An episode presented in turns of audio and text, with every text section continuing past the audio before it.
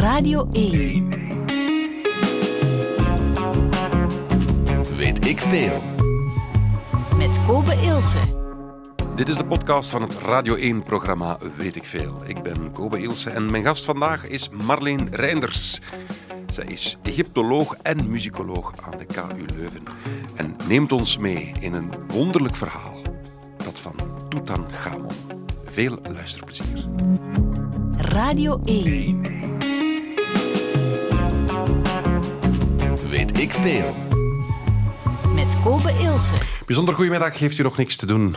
Dan eh, is er een tentoonstelling in Tour en Taxis over Tutankhamon. Het is trouwens 100 jaar geleden dat dat graf werd ontdekt. In november 1922 was dat. En daarom een weet ik veel in deze kerstvakantie over Tutankhamon. Want is dat niet de meest sexy farao die we kennen? Ik weet het niet. Ik vraag het aan Marleen Reinders, Egyptoloog aan de KU Leuven. Egyptoloog en ook muzikoloog. Wat een prachtige combinatie, Marleen. Goedemiddag. Dag Kobe, goedemiddag. Wil dat zeggen dat u ook veel over Egyptische muziek kent?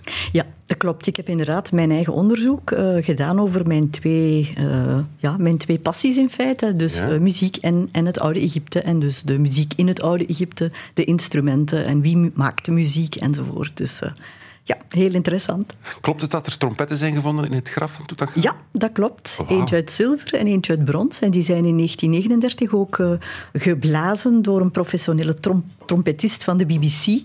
En eh, bleken instru- signaalinstrumenten te zijn. Ze konden eigenlijk maar één toon voortbrengen. Ah, ja. Dus het is zeker niet om, om zwoele melodieën of jazz mee te spelen. Nee, één Ah, toon. Ja. Gewoon een soort Ja, van zo. oppassen of eh, dit Ja, of dat. inderdaad. Eh, we gaan het hebben over Tutankhamon. Ik zei daarnet in mijn inleiding misschien de meest sexy farao die we kennen. Eh, laat ik er fotogeniek van maken. Nee, omwille van het masker. Absoluut. Hij, hij is heel herkenbaar omwille van het gouden dodenmasker, dat iedereen wel kent. Is een van de grote iconen geworden hè, van het oude Egypte. En eh, zijn verhaal is natuurlijk eh, heel fascinerend om dat te ontdekken. Hoe is die jonge koning, eh, die eigenlijk heel, heel jong gestorven is, dan toch zo een, een icoon geworden van de Egyptologie, dat iedereen hem kent en dat hij voor iedereen heel fascinerend blijkt. Kan je dat vertellen op 55 minuten? Nee, maar ik ga mijn best doen. ik ga heel hard mijn best doen. Zeer goed. Saturday Night Live, ken je dat? TV-show in Amerika? Nee. In de jaren 70, Steve Martin speelde toen eh, Oh ja. een belangrijke rol in Saturday Night Live. ja. En heeft een nummer King Tut. Klopt. En daar gaan we naar luisteren. Fijn dat u luistert naar Weet ik Veel. Zeer welkom. Weet ik Veel over Tutankhamon. Goedemiddag.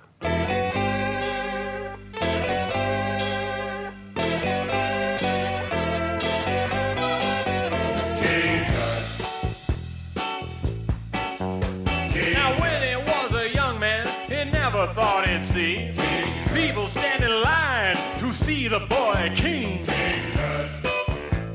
How'd you get so funky? Did you do the monkey?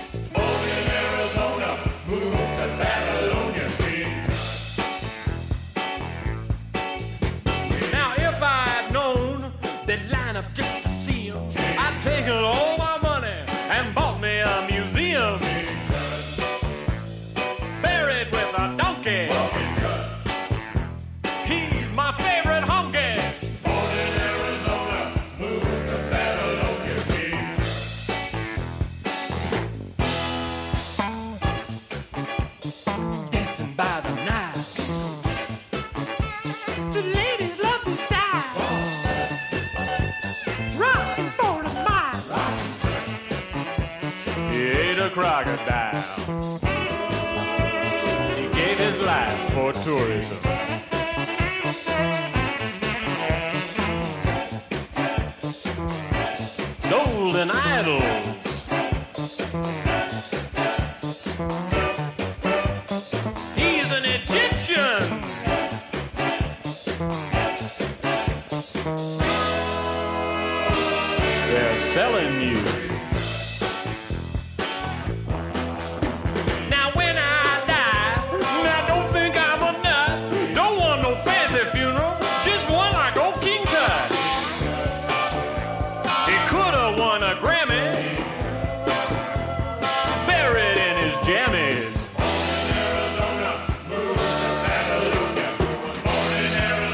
Got a con Hondo made stoner. Weet ik veel over Tutankhamon, ofwel King Tut. Howard Carter en zijn geldschieter Lord Carnarvon in Luxor. Op 25 november 22 hebben ze er het graf van Tutankhamon ontdekt. Weet ik veel? Veel juwelen hebben ze mee naar huis genomen. De rest met de sarcofaag zit in het museum van Cairo. Nu is het graf open voor het grote publiek. Ze komen in chique westerse kledij kijken naar het archeologisch wonder. De farao heeft zich gewroken, zegt de legende. De ontdekkers hebben hun vondst nauwelijks overleefd. Een fragmentje uit het journaal van de eeuw dat we in het journaal hadden in 1999, vlak voor eh, het nieuwe millennium.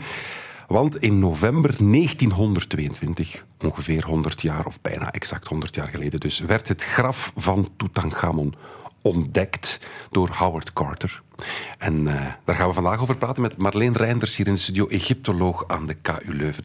Um, vraag je in de marge, ben je zelf ooit op de plek geweest? Uiteraard, meerdere Ja? keren. Ja, Ah, oké. uiteraard. Dus heb je echt in de, in de graftombe, hoe noem je dat? In de grafkamer, ja. In de grafkamer van Ja. Tutankhamon gestaan. Ja, uiteraard. Wauw. Neem ons eens mee. Hoe, hoe, hoe geraak je daar? Wel, ehm, het is uiteraard eh, een graf dat in de fameuze Vallei der Koningen is aangelegd. Hè. Dat is een begrip dat heel, heel mooi klinkt al. Dus in het huidige Luxor, het oude Thebe op de Westoever. Dat was de oever waar de Egyptenaren hun doden begroeven.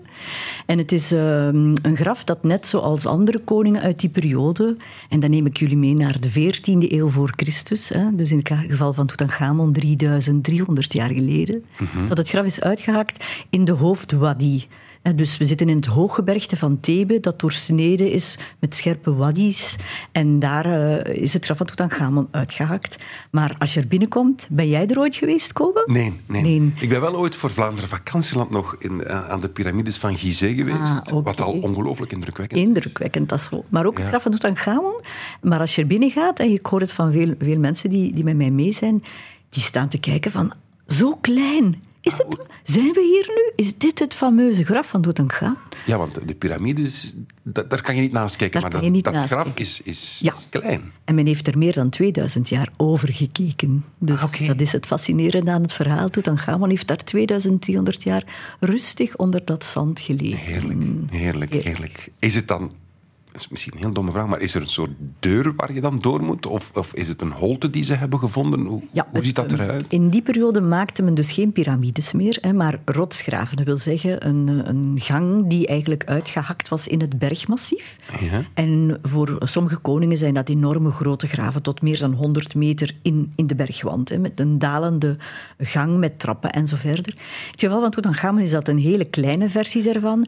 Ehm, een trap van 16 treden en dan had je een, een gesloten en verzegelde deur.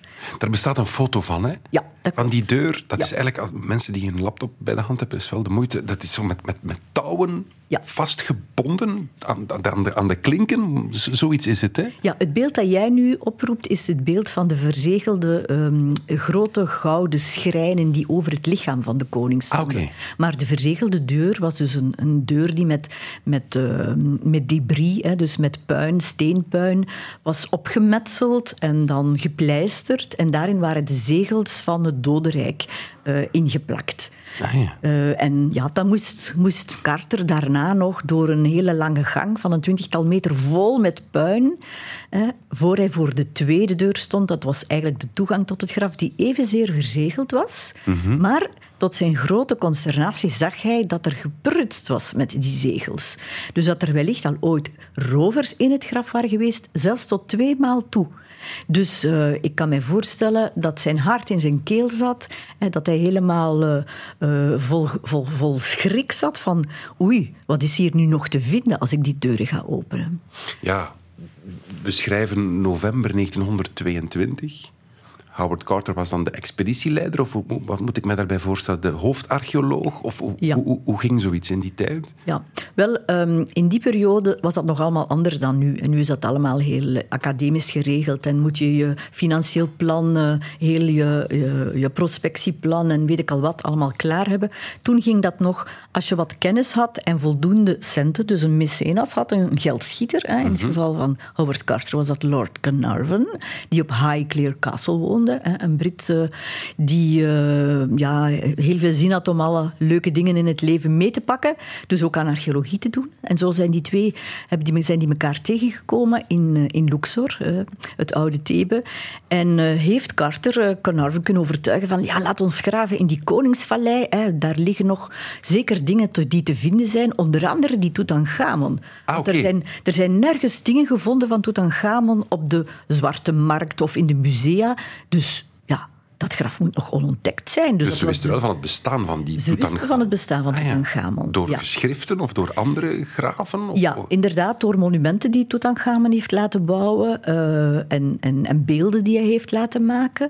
Eh, maar daar was al heel snel iets mee mis, want zijn naam werd uitgehakt, was uitgehakt en daar werd een andere naam van een andere koning over geschreven. Maar toch kon men soms nog wel lezen dat het over Tutankhamon ging. Nee, dus het bestaan van Tutankhamon was bekend, maar men dacht, wow, dat graf is, is Hier en daar is een potje gevonden met de naam van Tutankhamon. Dus men zei, de vallei van de koning is uitgeput, exhausted, was het in het Engels. Maar Carter zei nee. Nee, die had misschien een buikgevoel en hij had nu de, die financiële armslag. En hij had dus Lord Carnarvon zover kunnen, kunnen waarmaken voor de zaak. Van kijk, we gaan die Tutankhamon vinden. En ze vonden maar niks. Na zes campagnes, nee.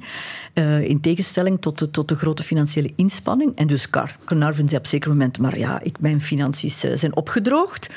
Eh, maar... Carter zei, nee, ik voel het, het gaat, het gaat lukken. En er is één plaats, zei hij, waar we nog nooit tot op de ongerepte bodem hebben gegraven. En 1 november 1922 begint hij daar te graven. En 4 november, dus drie dagen daarna, was het prijs. Dat moet toch onwaarschijnlijk zijn? Je bent in de woestijn, Ja, aan het graven, een beetje blind, op een heilige plaats. op een heilige Een plaats. heilige plaats, afgelegen. En dan stoot je op een zegel. Nee, Nee, oh. Nee, men moest eerst nog meters puin ruimen, want die Vallei der Koning die zat vol met puin van vorige opgraving enzovoort. En Howard Carter zei, er is nog maar één plekje waar we niet tot, tot die ongeroerde bodem zijn eh, gaan graven, want we moeten eerst nog heel wat werkmanshutjes eh, eh, verwijderen. Dat waren huisjes van de werkploegen die ooit aan andere graven van koningen hadden gewerkt. Die waren per toeval gewoon op de toegang tot het graf van Tutankhamon gebouwd, maar niemand wist dat. Dus hij heeft die werkmanshutjes eh, laten slopen. En dan gaat het verhaal dat een van de jonge kindjes die eh, het water moest dragen naar de opgravingsplaats, want het is ver van alles verwijderd, een plaats zocht om zijn waterkruik neer te zetten. En hij, hij roffelt wat in het zand en dan vindt hij een hele scherpe lijn. En als je archeoloog bent en je vindt een scherpe lijn, Dat is niet de natuur. Nee, dan gaat uw hart tekeer als zot. En eh, wat, dat was de eerste trap van de twaalf treden. En die dag hebben ze dat allemaal nog uitgegraven. En toen stond hij, wat je net zei, voor die verzegelde deur. Heeft, heeft hij daar een, zijn memoires over geschreven? Wat, wat ging er door die man heen? Ja. Dat moet toch een ul- ultiem geluk zijn? Ja, inderdaad, een ultiem geluk. Hij was allee, buiten, alle, buiten zijn zinnen, zou je kunnen zeggen. Heeft meteen een telegram ook gestuurd naar Lord Carnarvon, want die zat netjes in Highclere Castle. Dat heeft drie weken geduurd hè, voor eh, Lord Carnarvon in Egypte was, met de transportmiddelen van toen, hè, Ja, ja, ja. in de 20e eeuw. En dan hebben ze ja, een gaatje gemaakt in de eerste deur. Ah, die lord wou erbij zijn. Ja, tuurlijk, hij was de geldschieter. Hij had de officiële conf- dus die hebben daar drie weken zitten die wachten hebben daar drie weken zitten wachten. Ah. Carter wist dat er geroofd was. Dus eh, ik kan me niet voorstellen wat een verschrikkelijke drie weken dat moeten geweest zijn. En wanneer hebben ze dan de deur geopend? En wat was het eerste dat ze zagen? Wel, op de 29 november, dus, dus dikke drie weken na de vondst, ehm, vinden we in de dagboeken van, van Carter het verhaal dus dat er een kleine opening wordt gemaakt in die deur. Het is eigenlijk een, een deur die gebouwd is met brokken en steen en pleister. En dan laat hij eerst de lucht ontsnappen, die daar dus al zoveel duizenden jaren in is. En dan steekt hij een kaars in de opening, net groot genoeg om te kunnen kijken. En Carnarvon zegt, allee, na drie minuten, maar zeg nu iets, Eh, eh, zie je wel iets? Die is op van de zenuwen ook. En dan zegt, zegt Carter, ik zie fantastische dingen, wonderlijke dingen en overal goud, goud, goud. En dan hebben ze rap de deur gesloopt en hebben ze het kunnen zien. Een fantastische, fantastische vondst. En Carter wist meteen, bingo, dit is wereldnieuws. En dan, maakt zoveel jaar later de nieuwe snaar een nummer. De schat van de farao. Die hebben ze gevonden. Die hebben ze gevonden. En de farao ook ongeschonden.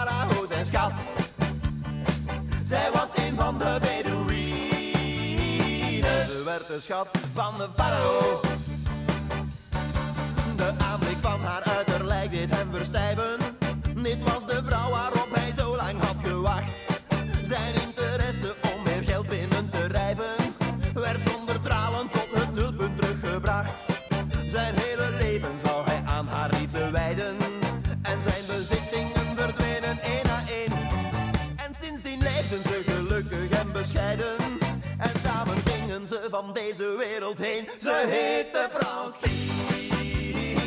Ze was de schat van de farao.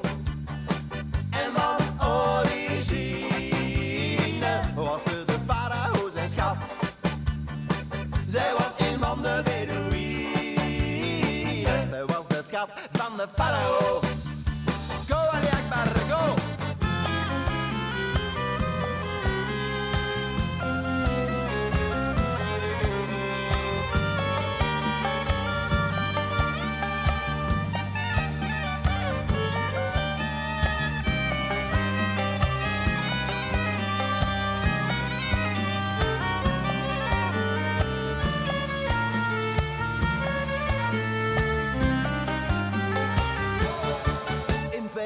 82 zocht een groep archeologen naar de restanten der Egyptische cultuur. Zij konden allen op beroepservaring bogen. Ze onderzochten elk voorwerp heel secuur. Maar bij het delven naar die waardevolle zaken, zo'n desillusie hadden zij nog nooit gehad. Al wat ze vonden was een uitgerafeld laken, waarin eens de mummie van Francine zat. In deze ruïne schat van de farao. Het was Francine, zij was de farao zijn schat. Het was nogthans niet te voorzien. Schat van de farao. Want aan het einde van het verhaal was er zelfs geen gouden kraal en ook geen stenen van oppaal. Laat staan een koninklijke zaal of maar een beetje pracht en praal. Zoals een goudvergulde schaal. Wat er nog restte van de in deze ruïne. Vond men de schat van de farao. Het was Francine. Zij was de farao zijn schat. Het was nogthans niet te voorzien. Schat van de farao. Schat van de farao. Van de nieuwe snaar in weet ik veel over Tutankhamon met Marleen Reinders, Egyptoloog aan de KU Leuven. We zaten daarnet aan het begin van het graf. De deur was net opengegaan, want we zitten in 1922, november. Howard Carter, de archeoloog die gesponsord werd en dus de middelen had om eh, op de plek te gaan graven waar hij hoopte dat het graf van Tutankhamon zich bevond. En hij had... Mag ik dat zeggen? Hij had chance? Nee, het was echt zeer doordacht. Het was doordacht. Eh, en het was eigenlijk inderdaad de enige plek waar, Het nog kon waar zijn. het nog zo. kon gevonden worden. Ah, ja. Inderdaad. Ja. Ja, ja. U heeft ons daarnet fantastisch meegenomen naar dat moment. Hij stak zijn kaars door een gaatje en zag goud, veel goud. Ja. Is er dan onmiddellijk het recht van die archeoloog om die deur te openen? Of moet je dan bellen naar de dienst archeologie van Egypte? Van ja, we hebben iets gevonden. Mag je zomaar die dingen betreden? Ja, toen, toen waren al die regels nog niet zo, zo, zo netjes uh, in orde als nu. En uh, we weten dat, uh, dat Carter al heel snel binnen, effectief binnen is gegaan. De officiële opening was zogezegd die 29 november. Maar vooraleer dat de echte inspecteur van de oudheidkundige dienst uit Cairo kwam, dat heeft nog verschillende weken geduurd. Ah, okay. En die hadden van meet af aan al niet zo'n goede relatie. Want Carter was een beetje een, een, een, een, een koppig iemand, heel zelfgerij zelfzeker, uh, eigen gereid een beetje. Die wil alles heel meticuleus doen. En de Egyptische oudheidkundige dienst wilde natuurlijk ook zijn deel in de zaak. Dus dat liep van meet af aan een beetje stroef. Maar nee, ze zijn meteen aan het werk gegaan. Ja, dat vroeg me af. Ja. Waar, waar begin je dan? Want wat... Ja, je, je, kijkt eerst rond natuurlijk. Ja, je kijkt eerst rond en dat was op zich al een heel moeilijk iets, omdat het graf lag letterlijk overvol van zeer delicate spullen, die dus meer dan 2300 jaar het licht en het, ook de lucht niet meer hadden gezien. Hè. Dus er was flinterdun bladgoud dat, dat zomaar zou verpulveren door, door de adem en zo verder. En ze moesten ook opletten waar ze hun voeten zetten, hè, want alles was, lag vol. En toen zag Carter meteen ook dat de rovers uh, stevig aan de haal waren geweest, in der haast van alles hebben, hebben meegenomen. Rovers ja. Wanneer dan? Want ja. Is dat 100 jaar daarvoor of, of net na de begrafenis? Of de, de, nee, dat is geen begrafenis. Hè? Dat is... Jawel, dat is wel een begrafenis. Ah, ja, okay. ja, dat is een hele ceremonie die ja. 70 dagen duurt. Okay. Eh, dan wordt de koning gemummificeerd, alles wordt verzameld en de begrafenis is op dag 70. Ah, dus uh, met een hele stoet en bloemenruikers en, en professionele uh, mensen die klagen en wenen enzovoort. Nee, dat is een hele bedrijvigheid, ah, net zoals nu, hè, de begrafenisondernemer. Nee, maar... Um... Die rovers, wanneer schatten ze dat dat die, die die tombe al hebben Ja, wel, men, uh, men denkt uh, niet zo heel lang na de begrafenis. En men denkt zelfs dat er mogelijkerwijs rovers bij waren die dus ook uh, aan het graf mee hadden gewerkt of het, het hadden gevuld en zo verder. Een inside job. Ja, een inside job, dat lijkt zeker niet onmogelijk te zijn.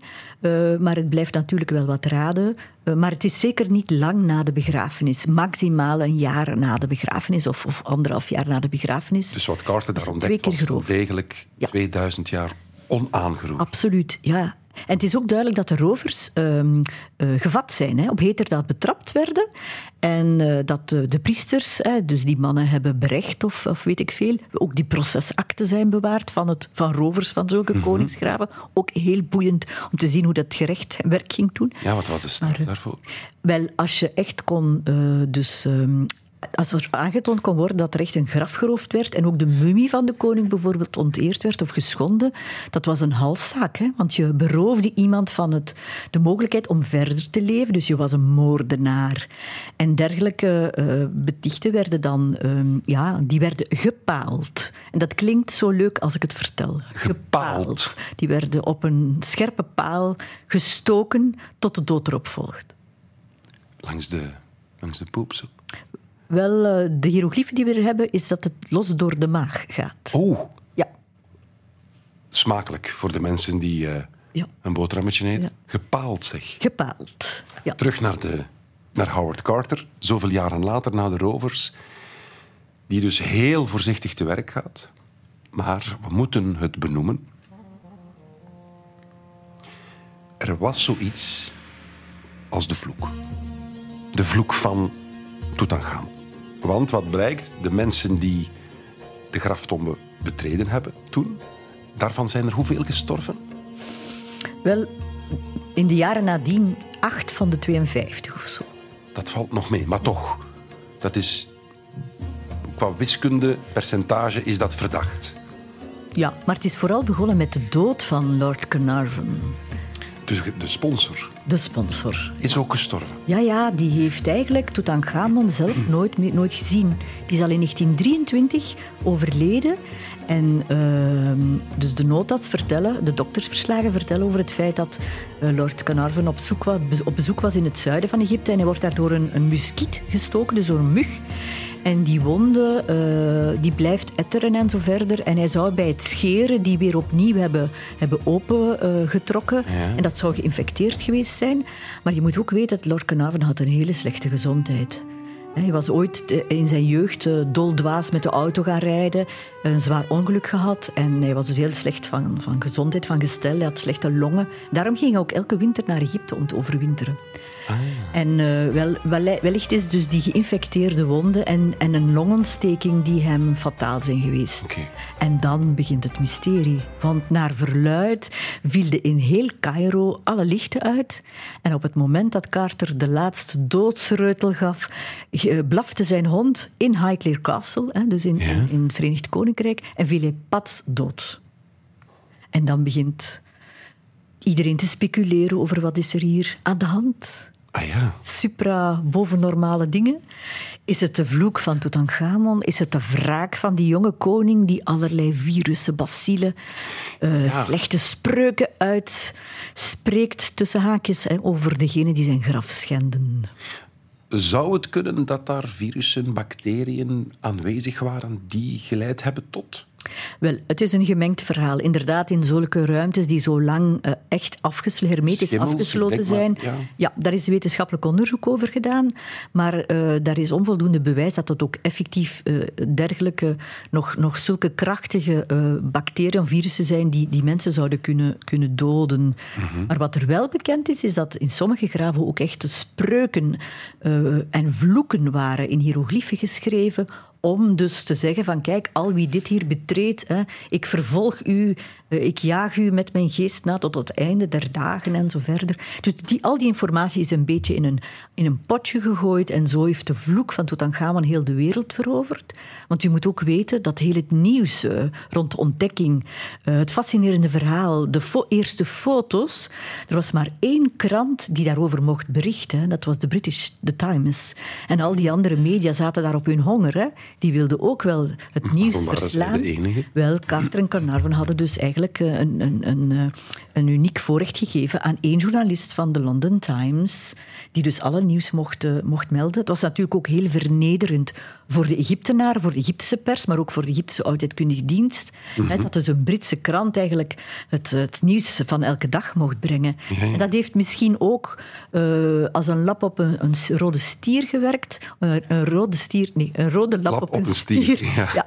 Ehm, dat die andere media misschien ehm, ja, die vloek van de farao misschien nog wel hebben wat overdreven. Want al gauw was iedereen in de ban. Niet zozeer nog van de, van de, van de opgraving, maar wel van de, de vloek van de farao.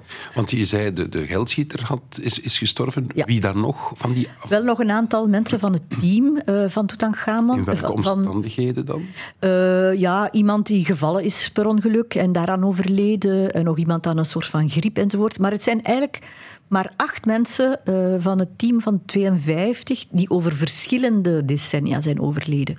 En Ah, je moet weten, de ontdekker van het graf, die natuurlijk door de vloek van Tutankhamon het eerst zou geviseerd moeten worden, die heeft nog geleefd tot 1939. Howard Carter. Howard Carter. Dus die, de man die de eerste zuurstof uit die tombe heeft Ja, ingeademd. en die voor het eerste keer terug het gelaat van de koning heeft gezien, na zoveel duizenden jaren. Kunnen we dan concluderen dat het een, een broodje aap verhaal is, die vloek? Of zegt u toch, Nee, het is een... Het is door die een bacteriën, door die virussen, zou er wel iets kunnen gebeuren? nee, onder Egyptologen wordt dat niet aangenomen. Nee, het is een ongelukkige samenloop van omstandigheden. Trouwens, het licht valt in Cairo om de haverklap uit, nu ook nog. En eh, het fabeltje van de hond blijkt echt een fabeltje te zijn. Dus dat, dat zou helemaal niet waar zijn. Dus bij deze is dat van de baan. Ja. De vloek van Tutankhamon bestaat niet. Wel, ik zou niet zeggen van de baan, want het wordt momenteel nog gebruikt als een verwijzing naar iets heel ongenaam, onaangenaam wat je in Egypte kan overkomen wanneer je door Egypte reist. De vloek van de farao is namelijk een verbloeming van eh, vreselijke diarree die je krijgt eh, omdat je van voeding wisselt. Dus heel veel mensen, toerista wordt ook genoemd, hebben last van buikkrampen en diarree. De vloek van de farao. dat, meen je dat echt? Echt waar. Dus als je, als je diarree hebt in Egypte, zeggen ze dat... De vloek van de farao. dat is schitterend. Ik heb hier iets klaarstaan. Ehm Marleen, de triomfmars van Aida.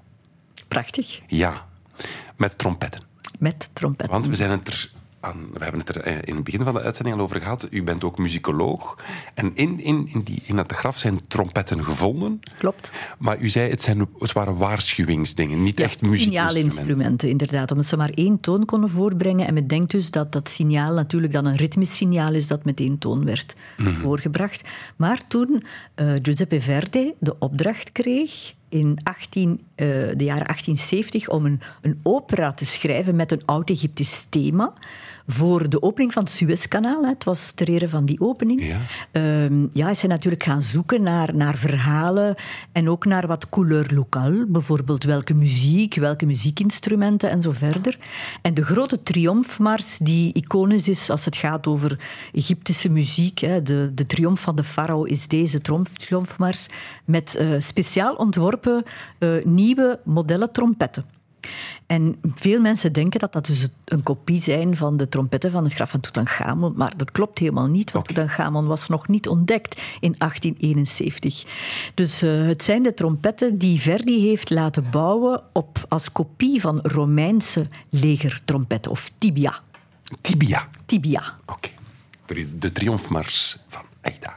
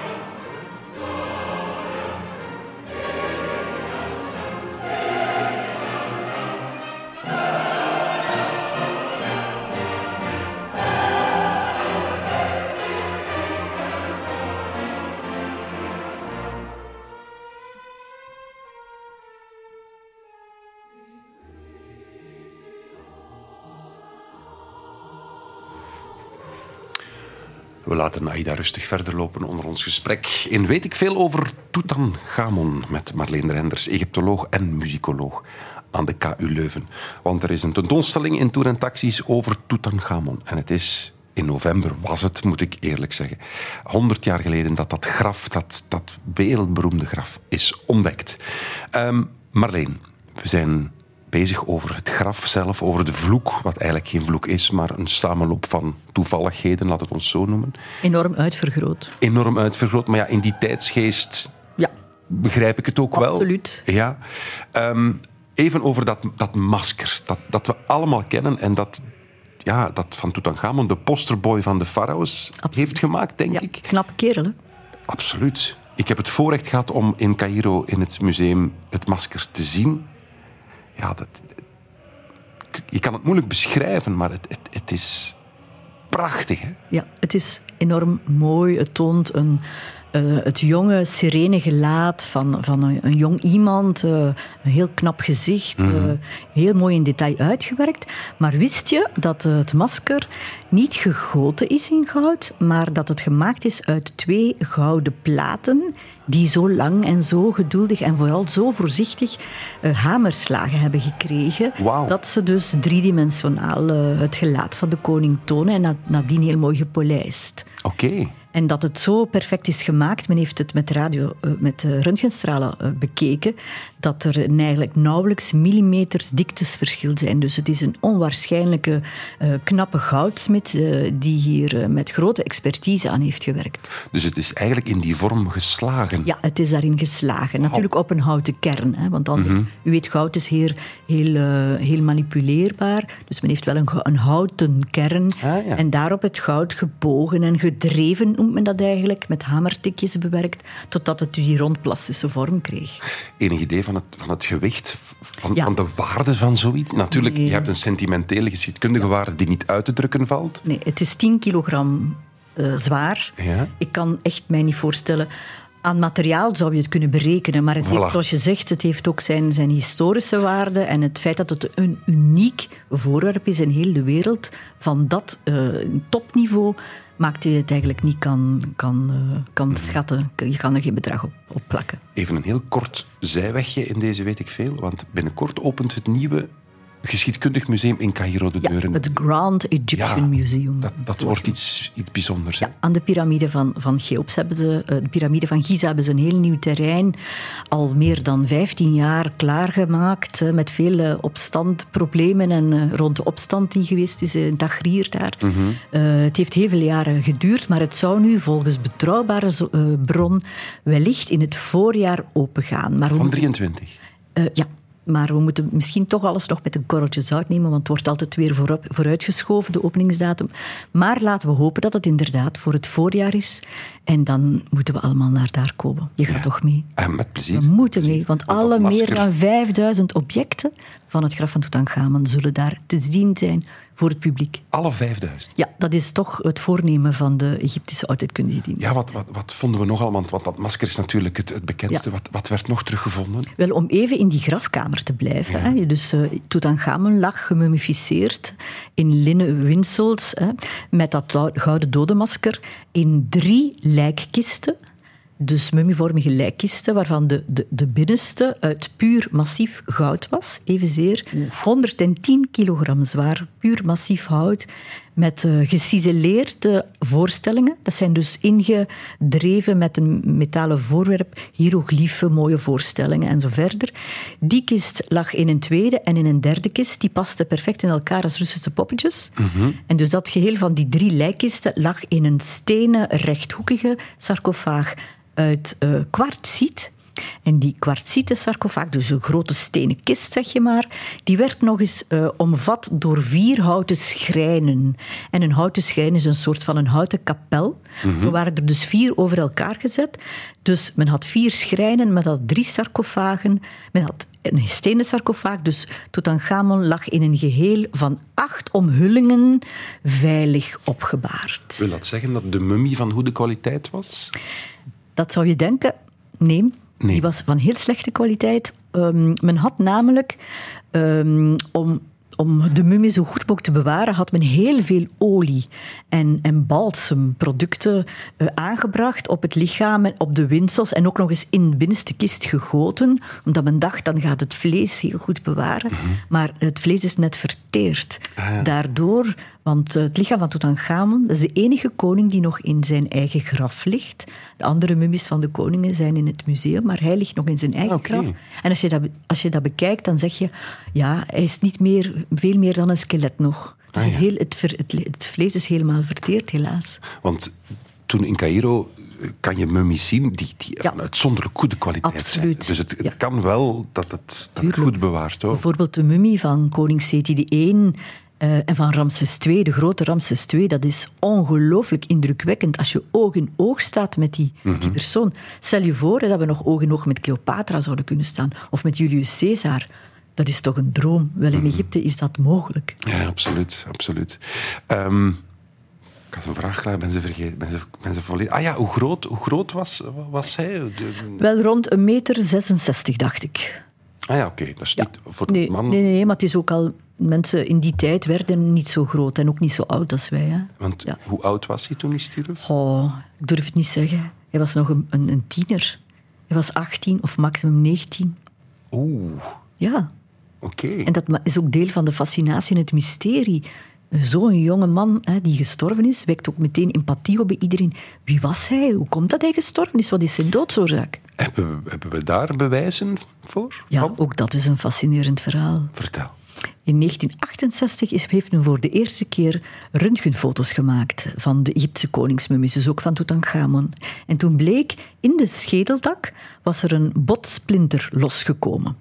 En natuurlijk dacht men, oh, die kerel heeft een, een slag op zijn schedel gekregen en dat heeft geleid tot de doodsoorzaak. En dan zijn er allerlei complottheorieën ontstaan. Vermoord, de media heeft ja. ervan gesmuld. Er zijn boeken over geschreven. Wie heeft Tutankhamon vermoord? Wie komt in aanmerking? Wie had er baat bij? Maar recent heeft men met nieuwe scanapparatuur, uh, Tutankhamon, je weet die scans, die kunnen helemaal binnenkijken in lichaam, alle, alle kleine deeltjes zien, is duidelijk geworden dat Tutankhamon niet vermoord is. Hij heeft helemaal geen slag op zijn hoofd gekregen. Maar Tutankhamon was um, iemand met een heel slecht gestel. Um, hij was ook kind van inteelt. Zijn vader was koning Agnaton en zijn moeder bleek, en dat weten we nog maar sinds kort, de zus te zijn, de volle zus van zijn vader. Dus zijn tante was eigenlijk ook zijn moeder.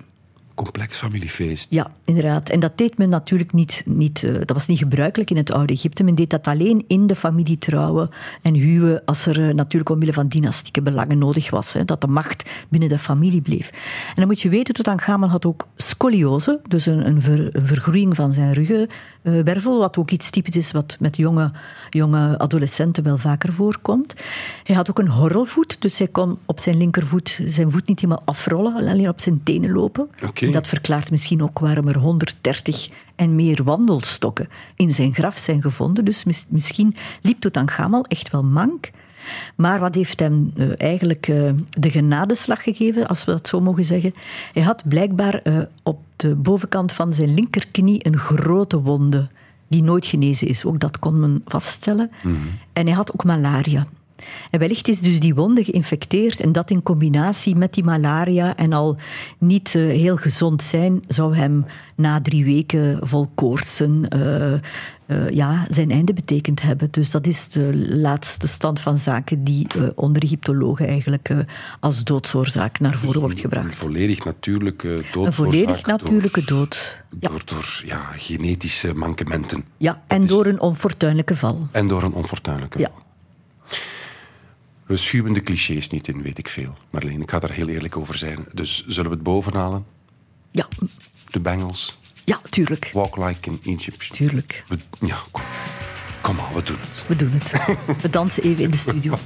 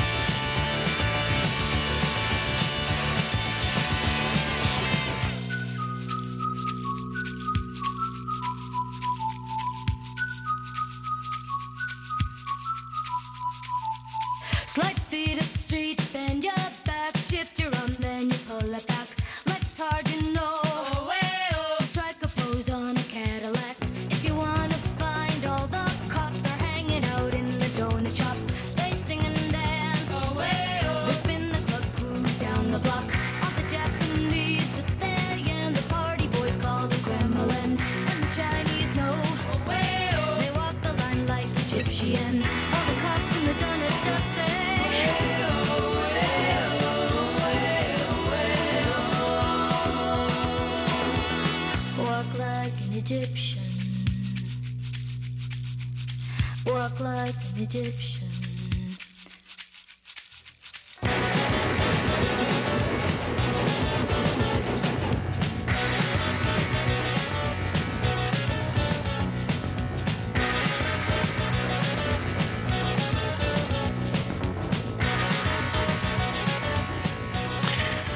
Like an Egyptian van de Bengals. In Weet ik veel over Tutankhamon vandaag met Marleen Reinders, Egyptoloog aan de KU Leuven. En wat een verhalen hebben wij al gehoord. Zeg. Wat een fascinerend figuur, die Tutankhamon. We hebben al over de graftombe, over de vloek, over de schat gesproken, maar nog niet heel veel over de persoon zelf. We, ja, we weten dat, het een, dat hij tante tegen zijn moeder moest zeggen, wat niet altijd even simpel moet geweest zijn. Maar wat voor iemand was het? Was het een verwend kind? Was het, was het een, een goede farao? Hoe lang is die farao geweest? Marleen, wat, wat weten we daarover? Ja, wel, dan neem ik jullie zoveel duizenden jaren mee terug naar het, naar het oude Egypte, waar Tutankhamon geboren wordt in een hele controversiële en op zijn minst revolutionaire familie. Want zijn vader, Akhenaton, die eerst Amenhotep heette, had eh, het voornemen van eh, de cultus in het oude Egypte, dus de godsdienst zeg maar, helemaal op zijn kop te zetten. En al die oude goden, vooral Amon, de zonnegod, aan de kant te zetten voor één god. Hij was dus in feite een soort van ketterkoning, zou je kunnen zeggen. En Aton was de geviseerde god, de zonneschijf met de zonnestralen. Er werd een nieuwe religie uitgebouwd en het was zo controversieel dat Akhenaton en zijn familie, want hij was al van meet af aan gehuwd ook met zijn mooie koningin Nefertiti, dat is zeker een naam hè, die ook tot de verbeelding spreekt. Het was zo revolutionair dat hij eigenlijk is moeten gaan vluchten, zouden we kunnen zeggen, uit de hoofdstad. Heeft een nieuwe stad gebouwd in Midden-Egypte. En samen met Nefertiti had hij dus zes dochtertjes. En die zien we overal eh, in afbeeldingen, in muurschilderingen enzovoort, als een hele gemoedelijke eh, familie. Ehm, ze zijn ook heel knuffelig. Ehm, en dat is zeker iets als, eh, wa- waar onze kinderen heel beducht over zijn, dat er zo geen van die emotionele foto's op Facebook verschijnen. Maar dat was dus daar wel schering en inslag. En het is dus in dat controversiële milieu dat ook een jonge prins Tutankhamon wordt geboren. Maar hij is dus niet de zoon van Nefertiti. Hij is wel de zoon van Akhenaton, maar van dus die andere vrouw die uiteindelijk dan de zus van zijn, van zijn vader blijkt te was zijn. hè. een, een bastaard, mag ik dat zo zeggen? Ja, omdat er natuurlijk geen, geen dochtertjes eh, waren. Men zoekt altijd naar een mannelijke troonsopvolger, hè, in die Ja. tijd zeker nog. En in eerste instantie is dat van de hoofdvrouw, van Nefertiti, maar dat was er dus niet. Maar een Egyptische koning had wel meerdere vrouwen, meerdere favoriete dames, waar er kinderen bij geboren werden. Waaronder zijn eigen zus. Eh, ja, waaronder zijn eigen zus ook, inderdaad. En- En, dus het, het kind uit dat broeder-zusterhuwelijk is, is Tutankhamon. En ehm, ja, hij liep dus rond eh, daar ook in, in, die, in die stad die Amarna heet trouwens, hè, samen met zijn halfzusjes en zijn plusmoeder, hè, als het ware. Ja. En laten we hopen dat hij een fijne jeugd heeft gehad in dat toch wel beschermde en ook wel idyllische milieu. En dan gebeurt het onwaarschijnlijke. Vader sterft na 17 jaar op de troon en er is geen mannelijke erfgenaam, hè, er zijn alleen dochters.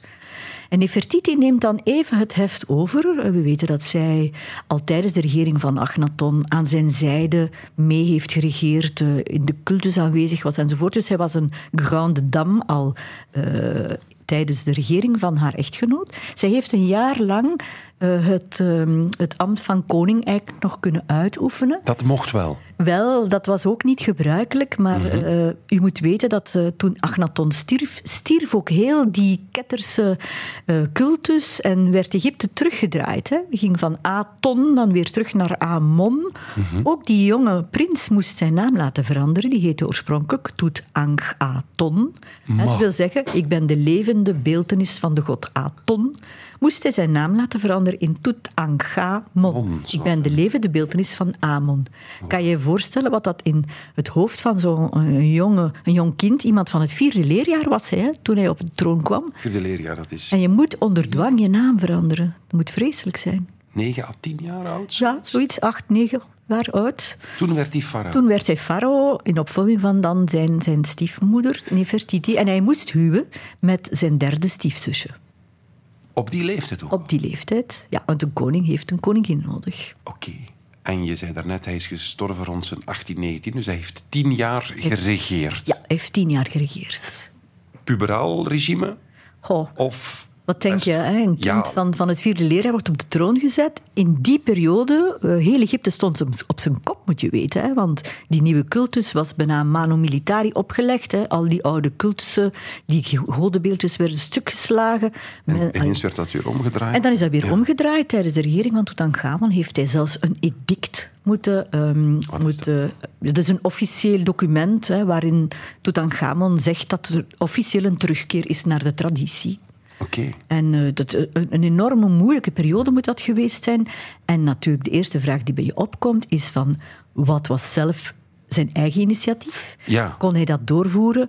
En ik denk dat we het, het antwoord al gegeven hebben hè, door de vraag te De stellen. moeder, de moeder had de hand vast, Nefertiti. Nee, Nefertiti, Ah, eh, nee, die verdwijnt van het toneel. En Ah, ja. ook de moeder van Tutankhamon verdwijnt al heel snel van het toneel. Dus hij was eigenlijk alleen met zijn stiefzusje. Laten we hopen dat hij daar veel, veel steun van heeft gehad. En er waren twee machtige mannen achter de schermen. Dat was een oude hoveling.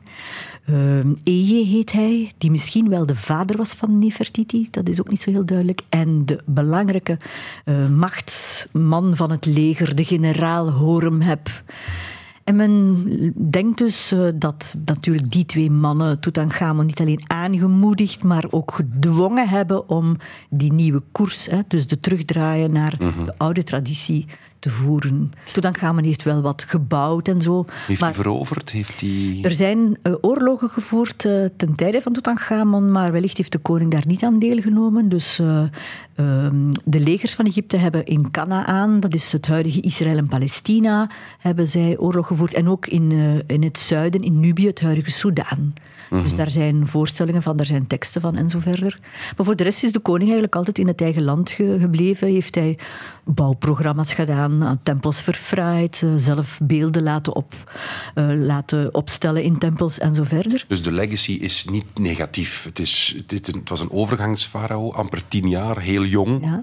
In een zeer woelig, woelige tijd. Absoluut, in, Egypte bijzonder woelige was. tijd. Ja. Maar hij heeft dat op fond niet zo heel slecht gedaan.